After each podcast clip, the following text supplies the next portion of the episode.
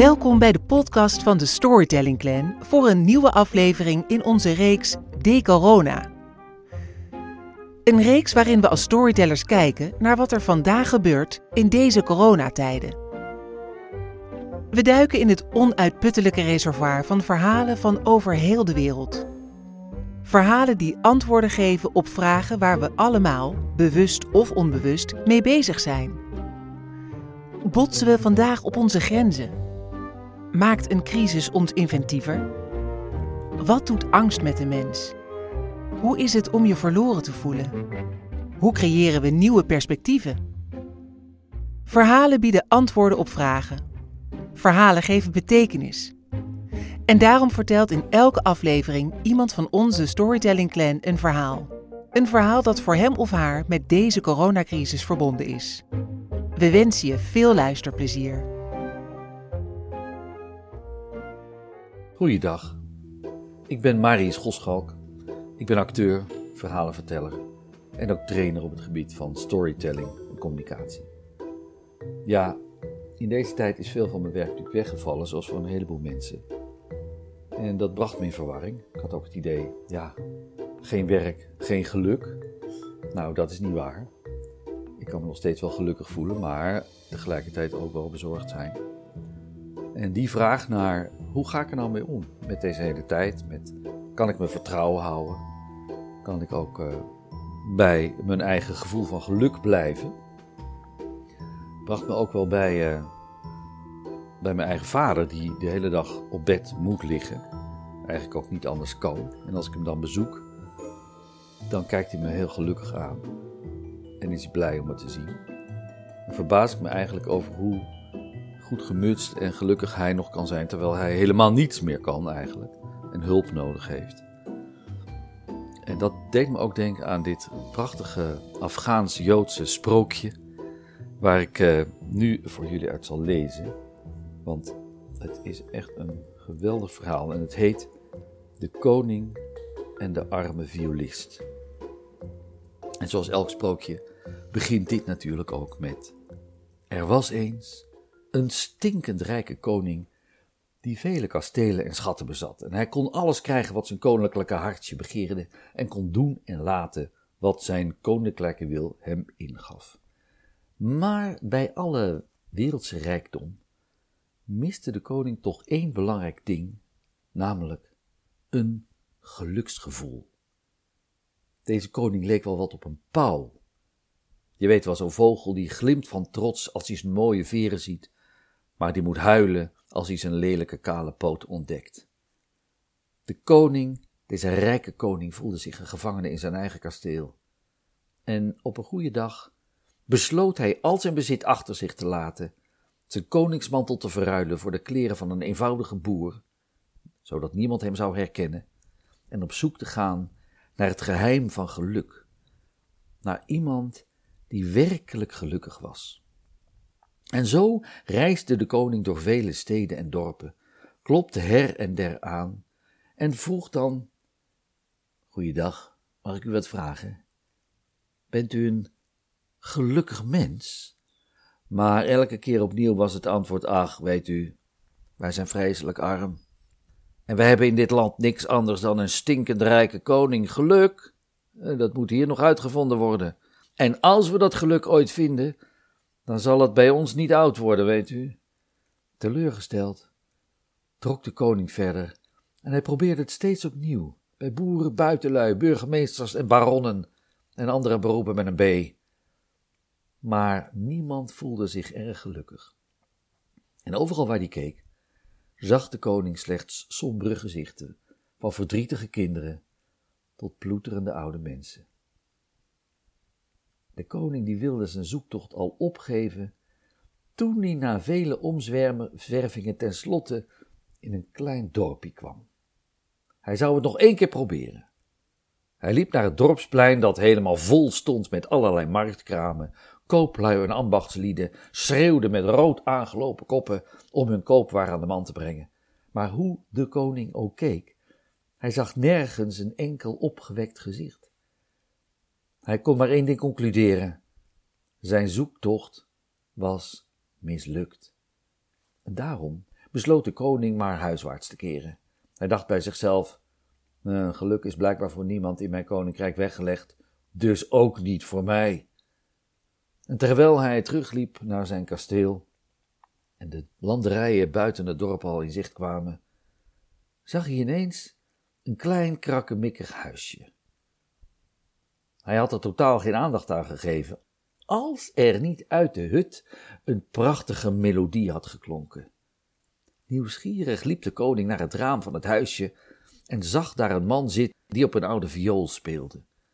Die man zag eruit als een arme sloeber, maar hij leek zo waar plezier te hebben. De koning kon zijn ogen niet geloven. Hij besloot om ook aan deze arme violist zijn vraag voor te leggen. Hij liep naar het raam, klopte aan, verbaasd keek de violist op, stopte met spelen, deed het raam open en zei: Ja, goeiedag. Kan ik u ergens mee helpen? Bent u een gelukkig mens? vroeg de koning direct. Het antwoord van de violist was direct ja. Ja, want ik heb alle geluk van de wereld. Vol verbazing vroeg de koning: Leg me dat eens uit, want ik begrijp er helemaal niks van. Je hebt in dit huisje helemaal niets dat waarde heeft. Je, hebt, uh, je bent zelf een krom getrokken en je net zo versleten als je eigen viool. En hoe kan jij dan toch gelukkig zijn? Ah, dat is heel eenvoudig, zei de violist. Kom toch even binnen. Kan ik u wat aanbieden? Weet u, terwijl zij zaten en een klein kopje thee dronken. Weet u, elke ochtend, voordat ik van huis vertrek, dan bid ik. Heer der wereld, gezegend is uw naam. Dank u dat wij niet langer als slaven in Egypte zijn en dat we vandaag als vrije, gelukkige mensen mogen leven. Wilt u vandaag aan mij en mijn gezin denken? En als ik op straat mijn viool ga spelen, dan heb ik s'avonds precies genoeg geld verdiend. Zoveel als ik nodig heb. Genoeg om voor die dag eten te kopen voor mijn vrouw en kinderen en zelfs genoeg voor een klein kruikje wijn. Elke maaltijd is een groot feest. En s'avonds laat, dan dank ik God voor het geluk van die dag. Dat is mijn geheim. Je moet elke dag steeds als je beste dag zien. En de avond zal tonen hoe je dag geweest is. De koning luisterde ongelovig naar dit verhaal en stikte van jaloezie. En hij dacht: heb ik daar al die tijd naar lopen zoeken? Hij wilde gewoon niet geloven dat geluk zo eenvoudig kon zijn.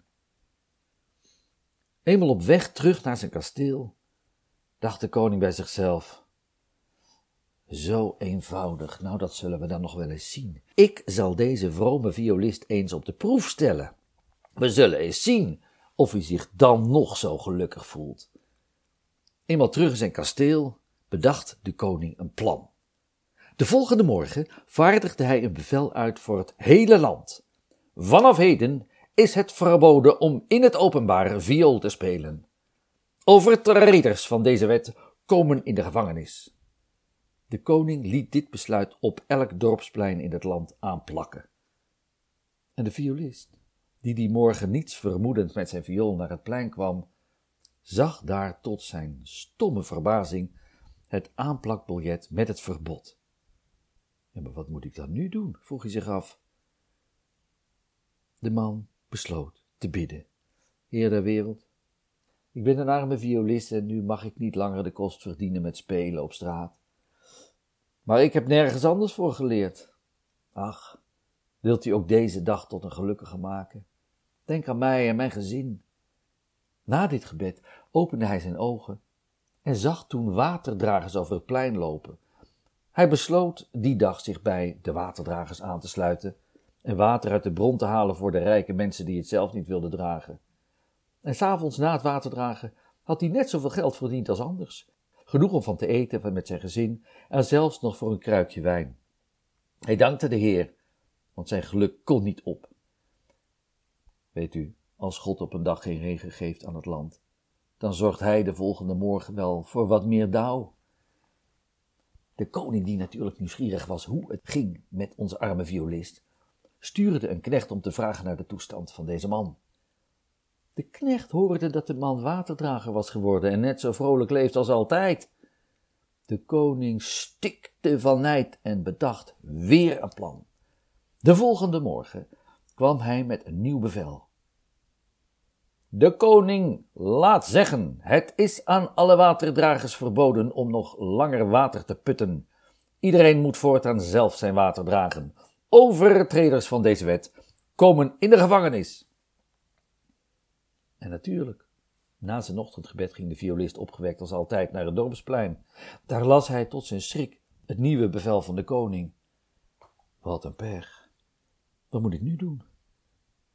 Hmm, dacht de violist, die nog maar net waterdrager was geworden. Er zit niks anders op. Bidden, Heer der wereld, ik ben een arme sukkel en een slemiel. Wilt u ook deze dag tot een gelukkige maken, zodat ik mezelf niet als slaaf hoef te verkopen? Denk aan mij en mijn gezin. Daarna deed de man zijn ogen open en zie, daar zag hij een groep houthakkers over het plein voorbij komen. Maar natuurlijk, al had hij niet eerder met dat bijltje gehakt. De violist sloot zich op die dag bij de houthakkers aan. En na een flink uh, hoeveelheid hout te hebben gekapt in het bos, had hij net zoveel geld verdiend als anders. Precies genoeg om van te eten met zijn gezin. Hij had zelfs nog geld over voor, natuurlijk, een kruikje wijn. En hij dankte God voor zijn geluk van die dag. Want weet wel, wie met weinig tevreden is, wordt door God niet vergeten. En de koning was wederom nieuwsgierig geworden naar de lotgevallen van de oude violist. Hij stuurde een soldaat om naar het geluk van de man te vragen. Maar wat bleek? De violist, die inmiddels houthakker was geworden, voelde zich gelukkiger dan ooit. De koning kon echt niet leven met deze gedachte en bedacht daarom wederom een plan. De volgende ochtend kwam hij niet met een nieuw verbod, maar beval dat alle houthakkers van zijn rijk in koninklijke dienst moesten treden. Zij mochten niet langer hout hakken, maar moesten als soldaten landhuizen en kastelen van de koning gaan bewaken. Alle houthakkers werden kort daarna gedwongen om hun bijlen in te leveren. Ze kregen in plaats daarvan een zwaard. Ook de violist, die houthakker was geworden, kwam in dienst van de koning. Maar de vorst had bovendien bepaald dat alle nieuwe soldaten pas na een week werken hun loon zouden krijgen. Zij moesten in die eerste week zien te overleven met wat er overbleef in de koninklijke keukens. Maar ja, daar bleef natuurlijk zo goed als niets over. De violist, die dit al gauw in de gaten had, kreeg wel door dat het die week een week van armoede zou zijn, een week van honger.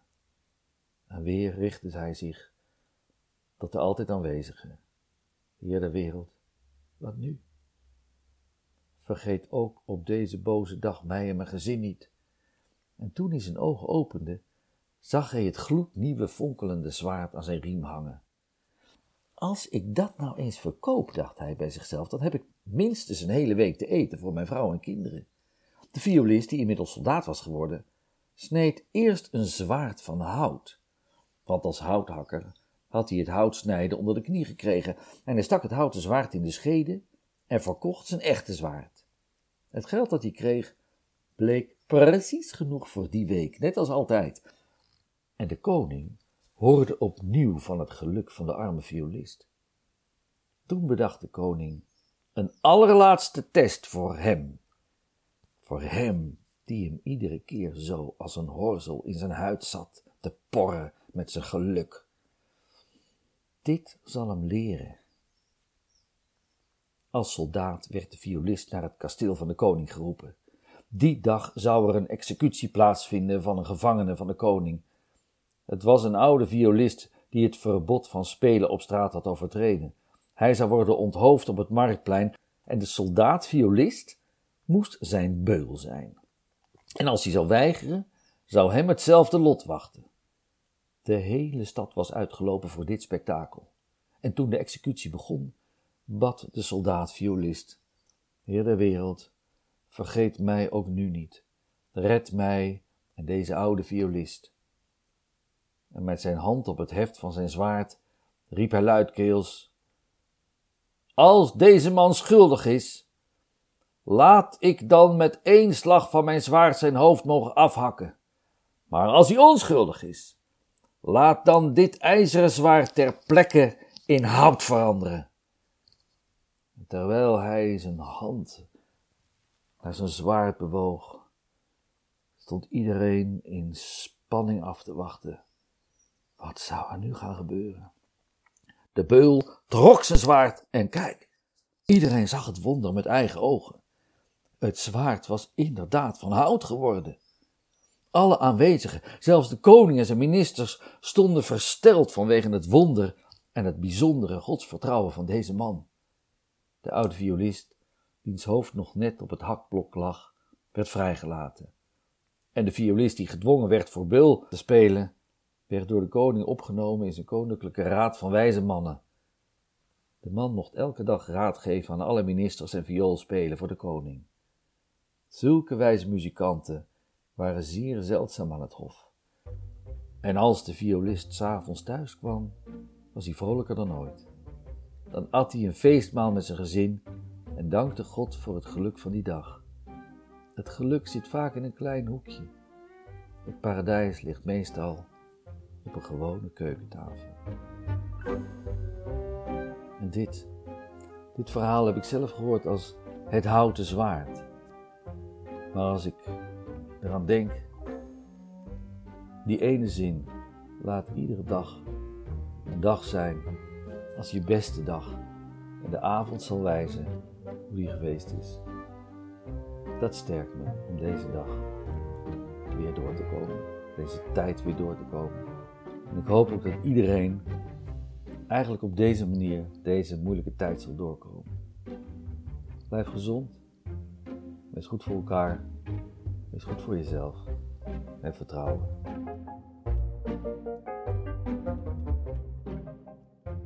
Tot zover deze aflevering van De Corona. Bedankt dat je luisterde. Blijf veilig, blijf gezond, blijf vertellen, blijf luisteren. Want volgende week is er weer een nieuwe aflevering van De Corona. Wil je meer weten over wat we doen als Storytelling Clan? Surf dan eens naar storytellingacademy.nl.